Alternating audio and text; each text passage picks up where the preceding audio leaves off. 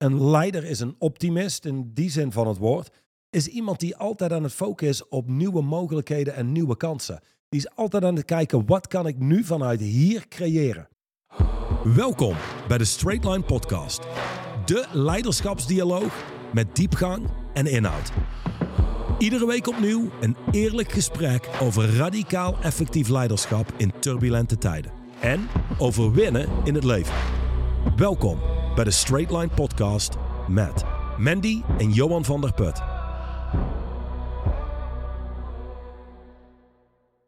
When I open my eyes in the morning, I am not confronted by a world, but by a million possible worlds.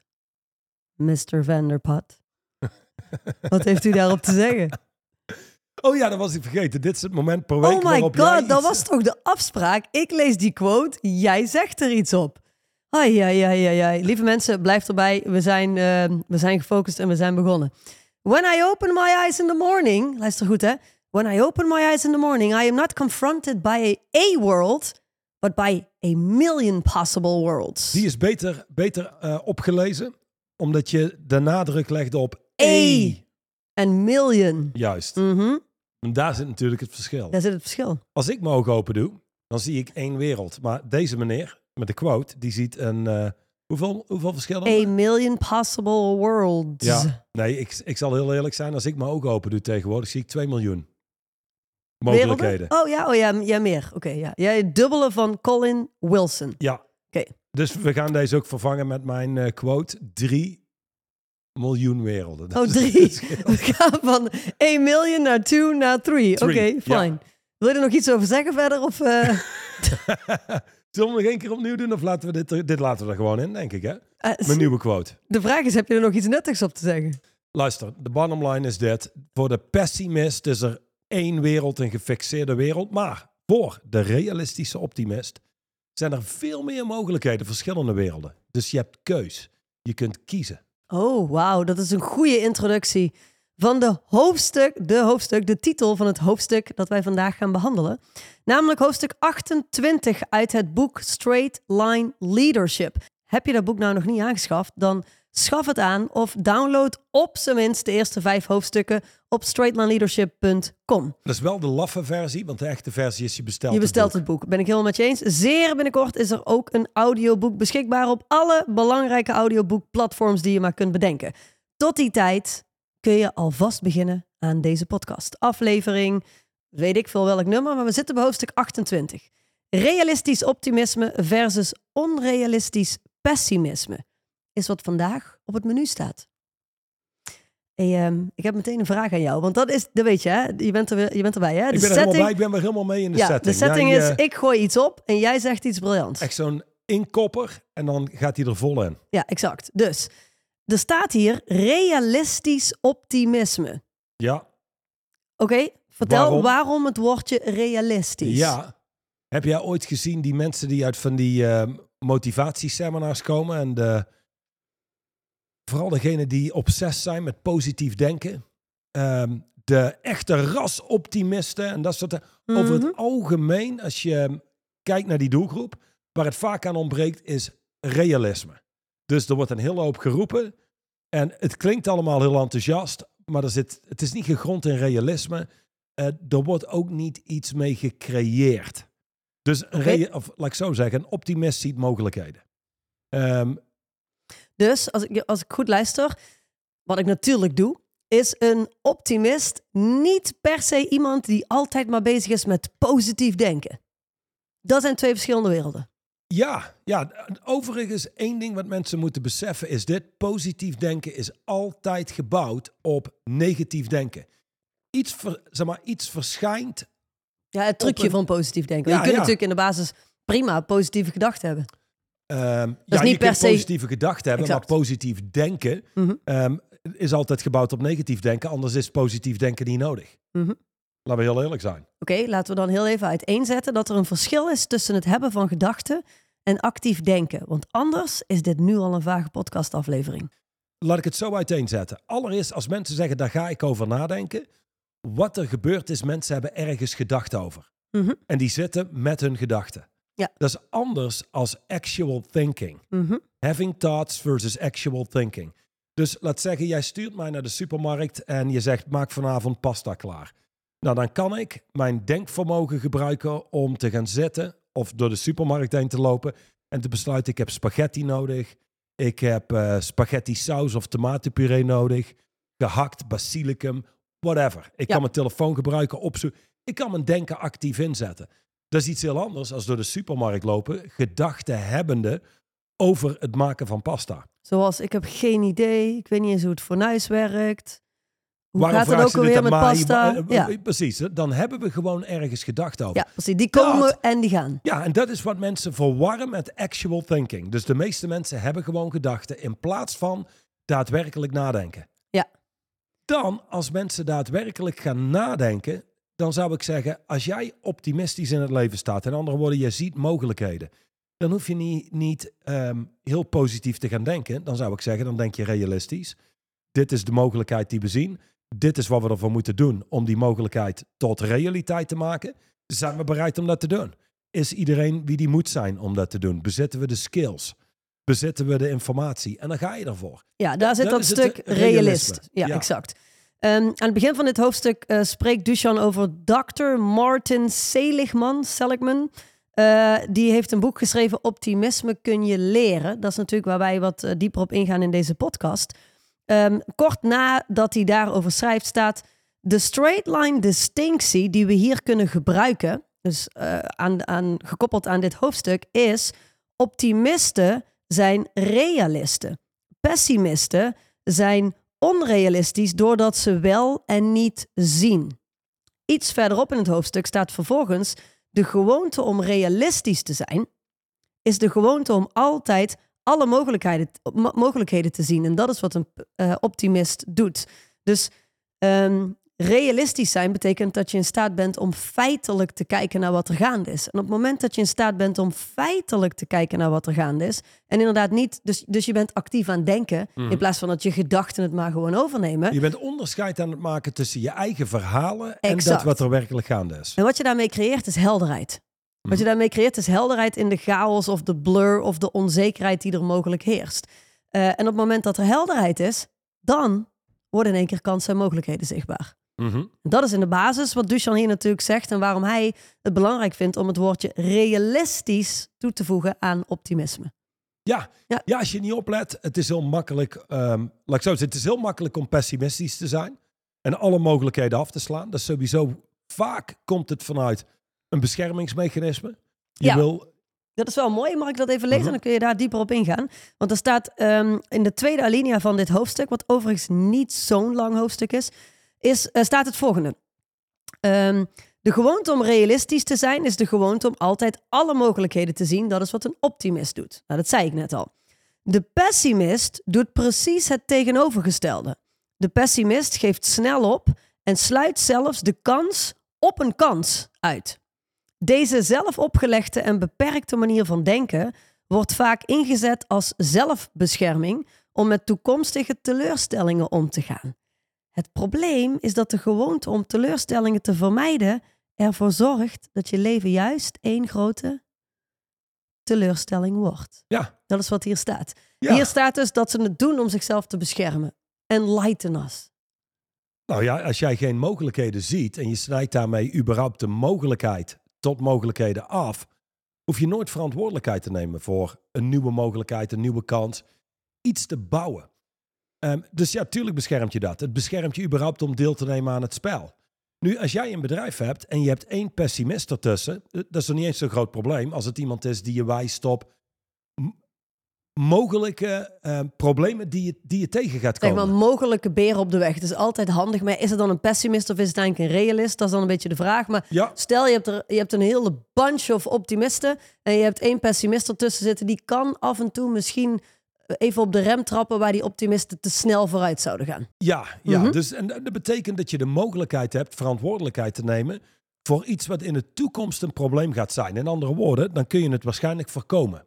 Ja. Ehm, in, in groepsverband komt zo iemand nog af en toe van pas. Als dit, als jij een pessimist bent en je luistert nu ja, dan heb je gewoon een probleem. Ja, zeker. En als je een, een, een bende optimisten hebt en je maakt er realistische optimisten van, dan heb je geen eh, negatieve, zware mensen nodig in je team. Nee, Nee, precies. nee, absoluut.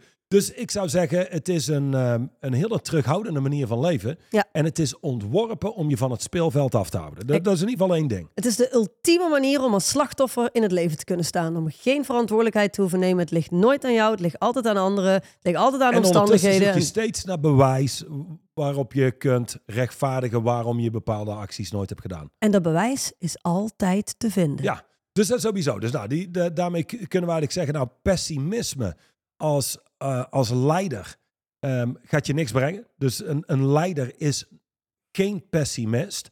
Een leider is een optimist in die zin van het woord. Zeker. Is iemand die altijd aan het focussen is op nieuwe mogelijkheden en nieuwe kansen. Die is altijd aan het kijken, wat kan ik nu vanuit hier creëren? Ja. Maar bouwt wel realisme in. Want, laten we heel eerlijk zijn, de, ja, hoe, hoe moet ik het zeggen, de, de echte optimisten die je op, op Facebook of op social media Ja. ziet met allerlei mooie verklaringen en dit wordt mijn jaar. En vaak is het niet eens oprecht. Het is eigenlijk meer bedoeld om zichzelf op te pompen. Exact. Ja, want Ehm, als je zegt inderdaad de echte optimisten. ehm, een hele, ik, ik denk dat het woord optimist sowieso volledig verkracht is in onze, in onze taal en onze maatschappij. Ja. Want mensen zien eh, optimisten als degene die altijd maar blij rondlopen. Altijd maar een glimlach op hebben. Ja. Altijd maar... eh, maar da- dat zijn in heel... Ik zeg niet altijd, maar in heel veel van de gevallen... mensen die van binnen totaal niet optimistisch denken. Totaal geen optimistische gedachten hebben. En aan de buitenkant één grote façade draaiend hebben. Exact. Ja, holding up appearances. Ja. Eh, dus dat is al één ding inderdaad. Ja. Dat je, eh, wat is het woord, bruistabletten. Weet je wel, van Oh. die stuiterende mensen door je bedrijf. Ja. Die allemaal hartstikke blij zijn. Niet echt, maar kunstmatig. Precies. Maar ondertussen niks voor elkaar krijgen. Er is, dan heb ik liever pessimisten die duidelijk zijn, we zien geen mogelijkheden, dus we doen niks. Dan een hele groep mensen die druk loopt rond te rennen, allemaal blij doen, maar ook niks voor elkaar krijgen. Ja. Dus nou, ik denk die distinctie is helder. Realistisch optimisme. Dat betekent, we kijken naar de mogelijkheden, je kiest en vervolgens ga je ervoor. Ja, en eh, dat, dat komt eigenlijk iets verder in het boek, maar optimisme, optimisten zijn in staat om negatieve gedachtenstromen gewoon te doorbreken, zeg maar. Het, want die, mensen denken soms wel eens van, oh my god, ja, maar die is altijd positief. Wat een optimist. Ja, maar eh, betekent niet dat die mensen niet per se geen, of nou niet eens niet per se, die mensen hebben niet geen negatieve gedachten. Die mensen laten zich alleen niet leiden door al die negatieve, zware gedachten. Maar eh, Daar voordat... komt overigens wel vaak positief denken vandaan. Want dus ik zei net, positief denken is altijd gebouwd op, op negatief Mhm. denken. Je zou kunnen zeggen, positief denken is eigenlijk gebouwd op negatieve gedachten. Ja. Dus om die te doorbreken, want je kunt die negatieve gedachten gewoon negeren. Ja. eh, kun je ook gewoon besluiten, inderdaad, het zijn simpelweg gedachten. Ik heb hier niks te doorbreken. Nou, dan ga ik toch alvast naar dit stuk en kom ik dadelijk op eh, waar ik eigenlijk naartoe wilde. Gevoel. Ehm, gevoel. Ik ga, ik ga door naar gevoel. Nee, ik ga niet door naar gevoel. Optimisten eh, onderbreken hun negatieve gedachtenstroom, staat hier. Ze controleren hun gedachten en ze weten dat ze er niet in hoeven te geloven. Dus ja, oké, het is wat je zegt. Je hebt een negatieve gedachte. Fine. Who cares? Hebben we allemaal wel eens. Focus gewoon op wat je te doen staat en ga door met je leven. Ja, dus met onderbreken bedoelt hij niet, je moet er van alles mee gaan doen. Nee. Het is gewoon, je haalt je aandacht daarvan af. Ja, je je bent in staat om het te negeren. Nou bedoel ik met negeren niet doen alsof het er niet is. Nee. Ik bedoel ook niet onderdruk het. Het zijn simpelweg gedachten. Ik snap ook, zeg maar, hoe langer je leeft in deze wereld, hoe minder ik snap, wat de hel. Mensen hebben positieve gedachten, je hebt negatieve gedachten. In de kern überhaupt zijn het wij al- gewoon maar gedachten. Gedachten, wij hebben het gelabeld als positief en negatief, maar in de kern zijn het gewoon gedachten. erop plakt. Ja, dus dat is al het eerste label. Ehm, en, en in plaats van het er gewoon te laten zijn. En je hebt die negatieve gedachten. Dus het controleren zit er meer in. Je hebt controle of je erin meegaat, ja of nee. Precies. Je hebt niet zozeer controle over je gedachten, want dan zou je ze aan of uit kunnen zetten. En Nee, op het moment dat je het idee hebt dat je controle hebt of kunt krijgen over je gedachten, dan krijg je al die positief denken methodes. Want dat zijn mensen die denken, oh, ik heb nu een negatieve gedachte. Oh, die moet ik nu ombuigen naar een positieve gedachte. Wat ik begrijp dat mensen dat Ja. denken, want ah, ik denk dat ik eind tienerjaren was. Eh, ik denk eind tienerjaren inderdaad. Toen er een boek en een film uitkwam. eh, volgens mij ook een boek, maar in ieder geval een film destijds uitkwam. eh, die, nou ja, wereldwijd in de westerse wereld in ieder geval extreem veel mensen ehm, aangeraakt heeft. En dat is de film The Secret. En daar werd natuurlijk heel plat in gezegd. Eindelijk werd er gesteld, en je gedachten zijn niks anders dan magneten. Dus whatever je ook denkt, dat is wat je creëert in de wereld. Hè? Dat, dat is wat daar eigenlijk Mhm. gesteld werd. Je bent je gedachten. Eh, dus in, de- in de hele self-help industry is heel erg, zijn mensen heel erg gaan geloven dat die gedachten zoveel macht Echt over je hebben. zijn en veel Ja. kracht bezitten Ja, en ik trek van- daar alles mee aan. Exact. Ja, totdat... la- Ja, of ik stoot er alles mee af, denken mensen. Ja, ja, Ja, ze zijn er bang van. Ja, en dan leef je echt een leven in je hoofd. En dan probeer je het allemaal te controleren. In plaats van, laat zeggen dat dat een wet is in het universum. Je, je gedachten trekken aan of stoten af. Er zijn altijd andere wetten in een universum die sterker zijn dan de ander. Zoals de wet van de zwaartekracht. Eh, eh, precies, maar je hebt ook gewoon de wet van creatie. En de wet van creatie is actie in dit universum creëert. Je hebt alleen maar invloed op je wereld door actie. Dus laat zeggen, ehm, volgens eh, zo'n wet zou je kunnen zeggen, je zit op de bank en je denkt aan sport en je wordt tot 40% beter. Ik geloof zelfs de wetenschap ehm, eh, is, is daarachter gekomen dat alleen al door visualisatie en eh, noem maar op, eh, word je 40% beter. De bottom line is dit. Wordt er in de topsport gebruik gemaakt van visualisatie?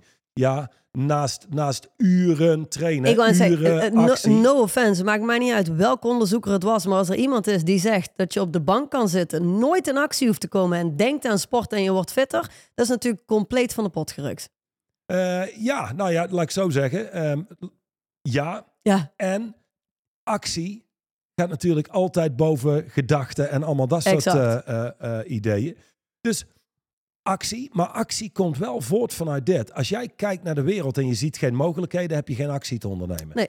Kijk naar de wereld vanuit optimisme, zie, dan zie je allerlei mogelijkheden. Zoals, eh, hoe heet de beste man? Colin? Colin Wilson, Ja, die, heeft one million wereld. possible worlds. Ja, die ziet een miljoen verschillende mogelijkheden als hij ochtends wakker wordt. Ja. Eh, en dat is waar. En, en vanuit daar heb je te kiezen waar je voor gaat. Ja, exact. Dus even kort terug. Optimisten onderbreken hun negatieve gedachtenstroom. Ehm, je zou ook kunnen zeggen, ja, doen er verder niks mee. Ze controleren hun gedachten en weten dat ze er niet in hoeven te geloven. Ik denk dat dat het belangrijkste is. Dus die- al die gedachten van, oh my god, en, eh, dit is spannend, of ik kan dit niet, of we gaan dit nooit voor elkaar krijgen. Een optimist, die heeft die gedachten ook, maar die doet daar verder niks mee. Pessimisten, die geloven alles wat ze denken. Daar zit het probleem. Dat die is een geloven, heel groot probleem. ja, dat is echt een groot probleem. En een pessimist klampt zich vast aan iedere sombere gedachte die hij heeft, alsof het de waarheid is. Ja. De bottom line is dat. Je zou kunnen zeggen, iedere gedachte op zichzelf is simpelweg een gedachte, is neutraal. Wetenschappers zijn er nog steeds niet achter vanuit waar ontstaat die. Dus je zou kunnen zeggen, het komt vanuit thin air. En dan labelen we allereerst onze gedachten in positief of negatief. Maar het is waar sommige mensen klampen zich vast aan hun gedachten zonder te beseffen. Het is een gedachte wat op zichzelf niks betekent. Maar we geven het automatisch een betekenis. Met die betekenis komt ook meteen een gevoel. Dus als je niet oplet, dan leef je echt in een gevangenis. Ja. Van slechte gevoelens. Vervolgens weer af willen komen van je gevoelens. Het niet zien van mogelijkheden. Dat stimuleert nog een keer een soort van donker gevoel. Dus eh, dat is de wereld van de pessimist. Ja, dat, dat is wat er net, eh, net stond. Hè? Dan krijg je dat je eh, bang bent om teleurgesteld te worden. En je leven wordt vervolgens één grote aaneenschakeling van Teleurstelling. teleurstellingen. Ja, dat is wat je krijgt. Oké, ehm, optimisten realiseren zich dat hun gevoel voortkomt uit hun gedachten. Dat vind ik nog wel interessant, omdat jij daar net een kleine opening in maakte. Ze realiseren zich ook dat zij bepalen of ze een bepaalde gedachte accepteren of niet. En zo bepalen zij uiteindelijk ook hoe ze zich voelen. Nu, wij hebben al heel vaak in onze eh, lidmaatschappen ehm, de vraag gesteld aan mensen: wat is er eerst, een emotie of een gedachte? Het blijft leuk, want daar zijn altijd heel erg, eh, hoe zeg je dat? Ehm, verschillende, verschillende meningen over. Zeker als mensen net nieuw in onze conversatie zijn. Sommige mensen zijn stellig overtuigd dat emoties het eerste zijn. Anderen zijn stellig overtuigd dat uh, gedachten het eerste zijn. En mensen die denken dat emoties eerst komen, die komen ook altijd, altijd vanuit de plek. Ja, maar ja, mensen zijn emotionele wezens. Dat is wat ons drijft. Dat is wat ons anders maakt dan het dierenrijk, bij wijze van, is dan wat zij zeggen. Daar heb jij vast iets op te vertellen. Dat is waar. ehm, mensen zijn emotionele wezens. Dat is, dat is een van de dingen die we allemaal overeenkomstig hebben. We hebben allemaal emoties. En bijna ieder mens drijft op zijn of haar emoties. En ieder Daar mens zit ook wat meteen zich het probleem. leiden door zijn emoties is over het algemeen fucked. Ja. Want namelijk, ik geef het roer van het leven, zeg maar de richting waar ik in ga, uit handen. En dat, dat laat ik nu door mijn gevoel bepalen. Ehm, Dat is eigenlijk alsof je een soort van pingpongbal bent. Je wordt van de ene kant van de tafel naar de andere kant van de tafel geslagen. 100 procent. 100 procent. Er is ook, als je het mechanisme erachter ziet en je leest de LinkedIn-posts met vanaf nu af aan heb ik besloten om een gevoel te gaan volgen. Dan denk ik, ik snap waar het vandaan komt. Waarschijnlijk heb je een baan gehad waar je in vast zat. Of eh, je, je hebt een bedrijf gerund waar je in vast zat. En oh man, s ochtends opstaan en je keek naar je werk en je keek naar je leven. En dat voelde als één ellende en daar wilden we uit. Maar de bottom line is, als jij je gevoel gaat volgen, Ehm, gevoel komt en gaat. Je hebt geen controle over je gevoel. Je kunt je gevoel wat masseren. Je kunt wat positief denken en we voelen ons wat beter. De bottom line is dat. Je bent niet je gevoel. Nee. Je hebt het. En, het. en dan een stap verder is nog, je hebt dat gevoel los van hoe je je voelt. Je kunt gewoon actie ondernemen. Dus Mhm, gevoel en actie staat compleet los van elkaar. Eigenlijk ieder mens mengt dat mhm. die doet wat goed voelt, wacht te doen totdat ze zich goed voelen. Of ze wachten om in actie te komen totdat het slechte gevoel weggaat. Ja. Dus je krijgt nooit echt iets gedaan. Ehm, dan dat hele gevoel is een gevolg van je mind. Exact. We geven wel eens het voorbeeld. Dus, dus gevoelens en emoties volgen na gedachtes. Ja, Ja. ja exact. Dus ehm, la- laat ik zo zeggen, het, het is al dit. Eh, jij bent single, jij gaat op stap en je vraagt een leuke jongen uit op een date. En die zegt, "Pff, wat, een date met jou? Nee. No thanks. Ja, dan hoe voel je je dan? Ja, mensen kunnen zichzelf voor de gek houden, maar de meesten voelen zich niet heel goed. Nee, je voelt je afgewezen. Ja, zeker. En dan, dan de volgende en die kijkt je aan en die zegt, oh my god, ik keek al de hele avond naar je en je bent een geschenk van God en waar was je al die tijd? En absoluut, alhoewel ik weet niet of je ik weet niet, dat vind voelen. ik ook vaak. Nee, ja. ja. Ja, precies. Nee, dan denk je ook, oh nee, laat maar. Dit voelt niet goed, weet je wel. Dit voelt creepy. Ehm, maar laat zeggen, je, wordt zo, je aanbod wordt geaccepteerd. Oké, Ja. lijkt me heel tof. Dan voel je je goed.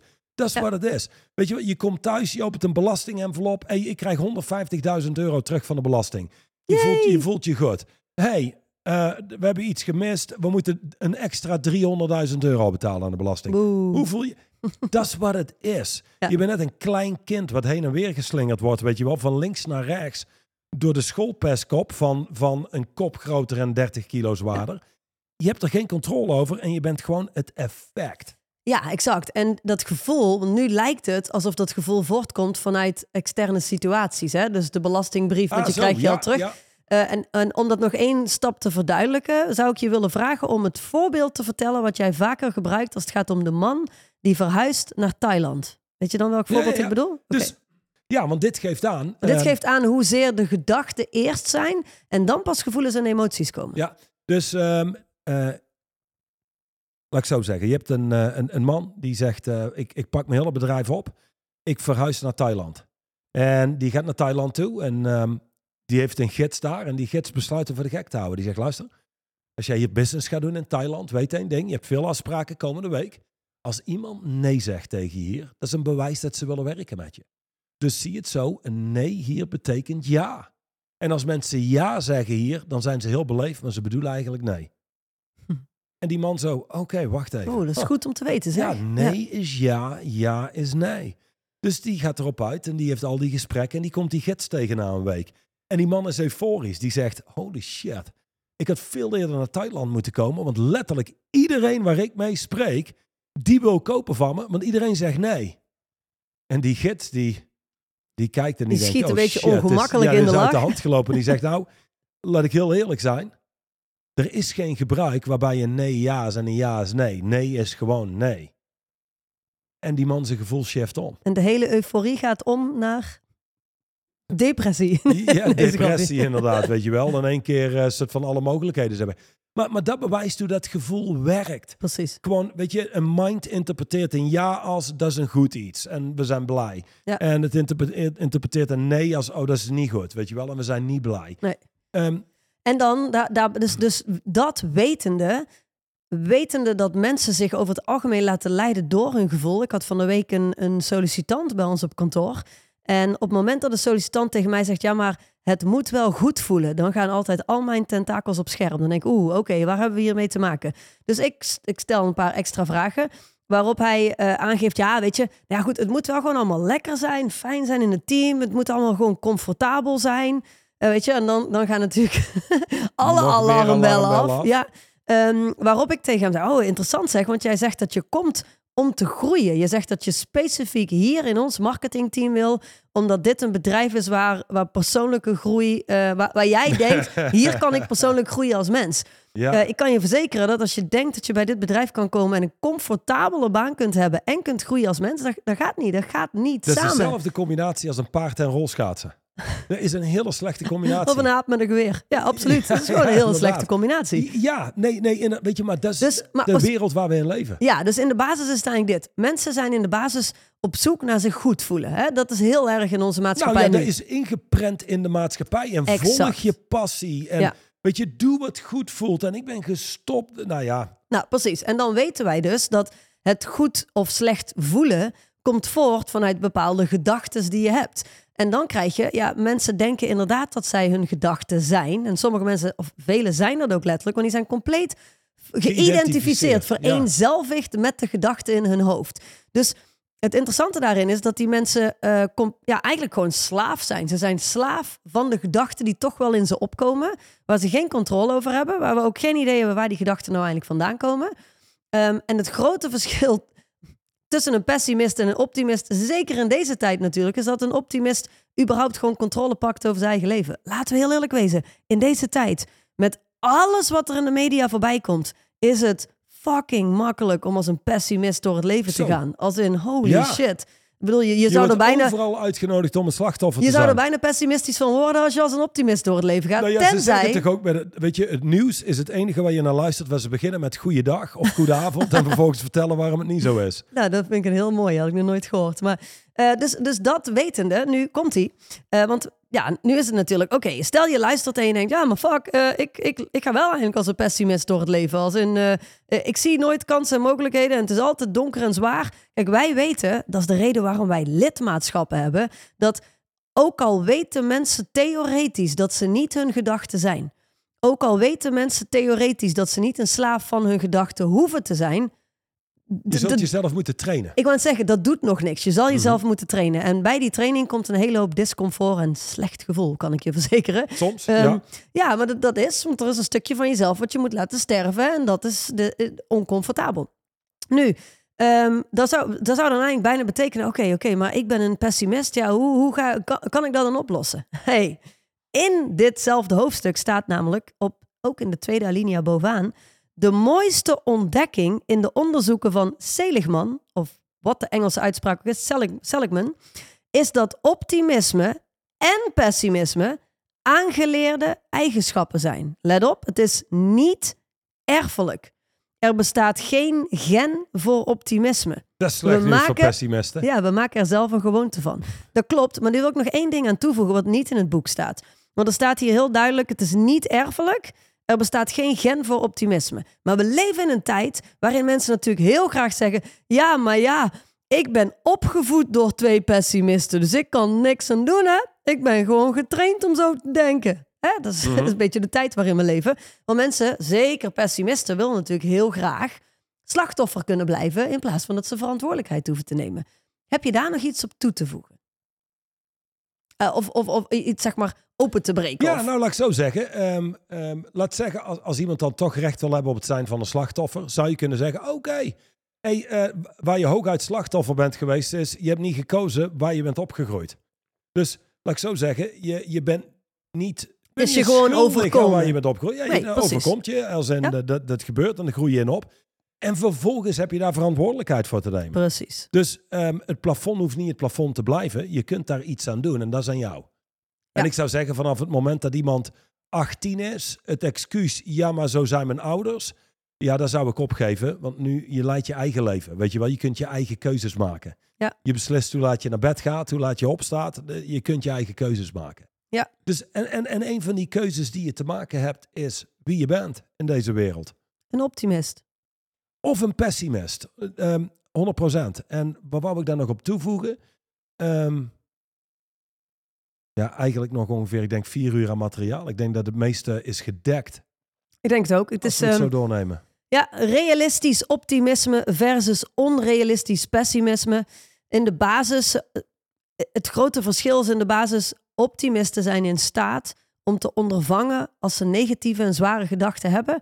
Eh, die gaan daar niks in doen. Die gaan daar niet aan, aan, aan Ja. werken. Ze gaan ze ook niet eens actief negeren. Want in de basis is het belangrijk om ze te erkennen, te herkennen en te erkennen voor wat ze werkelijk zijn. Gewoon gedachtes. En gedachtes komen en gedachtes gaan. En je hebt periodes in je leven waarin het heel makkelijk is om heel veel positieve gedachten te hebben. En je hebt periodes in je leven waarin het heel makkelijk is dat er allerlei negatieve gedachten in je opkomen. En in beide gevallen heeft het of hoeft het geen invloed te hebben op de acties die je doet gedurende de dag. En om dat af te sluiten, om te blijven in de taal van jouw eh, grote vriend Elliot Kipchoge. Oh ja, fantastische kerel. Ja, only the disciplined ones are free. Otherwise, you will be a slave of your emotions, your moods, your passions. And your urges. Ja, da- daar word je slaaf van. En luister, hoe train je dit? Wa- Wat bedoelt onze Elliot daarmee? Only the disciplined ones are free. Luister, voeg discipline toe aan je woord. Start te verklaren wat je gaat doen. Start je acties te verklaren. En doe het. Doe je woord eer aan. Als je radicaal gefocust bent op integriteit, in onze context, je Mhm. woord eer aandoen, Mhm. My god, dan word je effectief. Dus dat, dat zou zijn, wil je echt vrij zijn, dan zul je je daarin moeten disciplineren. Ja. Doe je dat niet, dan neemt, dan neemt je interne wereld het over. Ik ben heel blij met die aanvulling, want voor je het weet gaan mensen na deze podcastaflevering denken dat ze iets moeten doen aan hun gedachten. Of Nee. denken dat ze, oh, nu moet ik actief mijn gedachten gaan erkennen en zo. Nee, weet je wat het mooie is? Hoe word je een realistische optimist? Door gedisciplineerd in het leven te staan, door te zeggen wat je gaat doen en het ook daadwerkelijk te doen. En hoe vaak heb jij het volgende gehad? Dat je besluit iets te doen. En dat wat je doet, doe je volledig. Met iedere cel van je lichaam.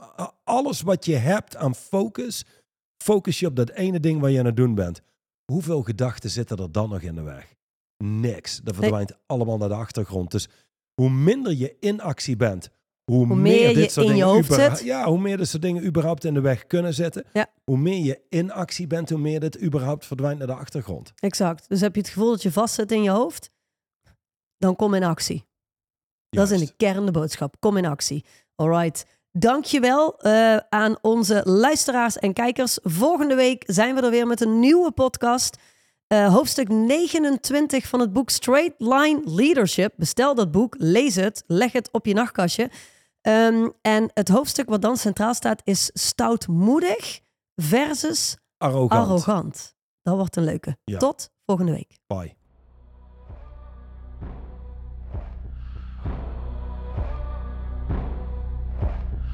De overige podcast beluisteren of deze nog eens terugluisteren? Ga naar het YouTube of Spotify account van Straight Line Leadership.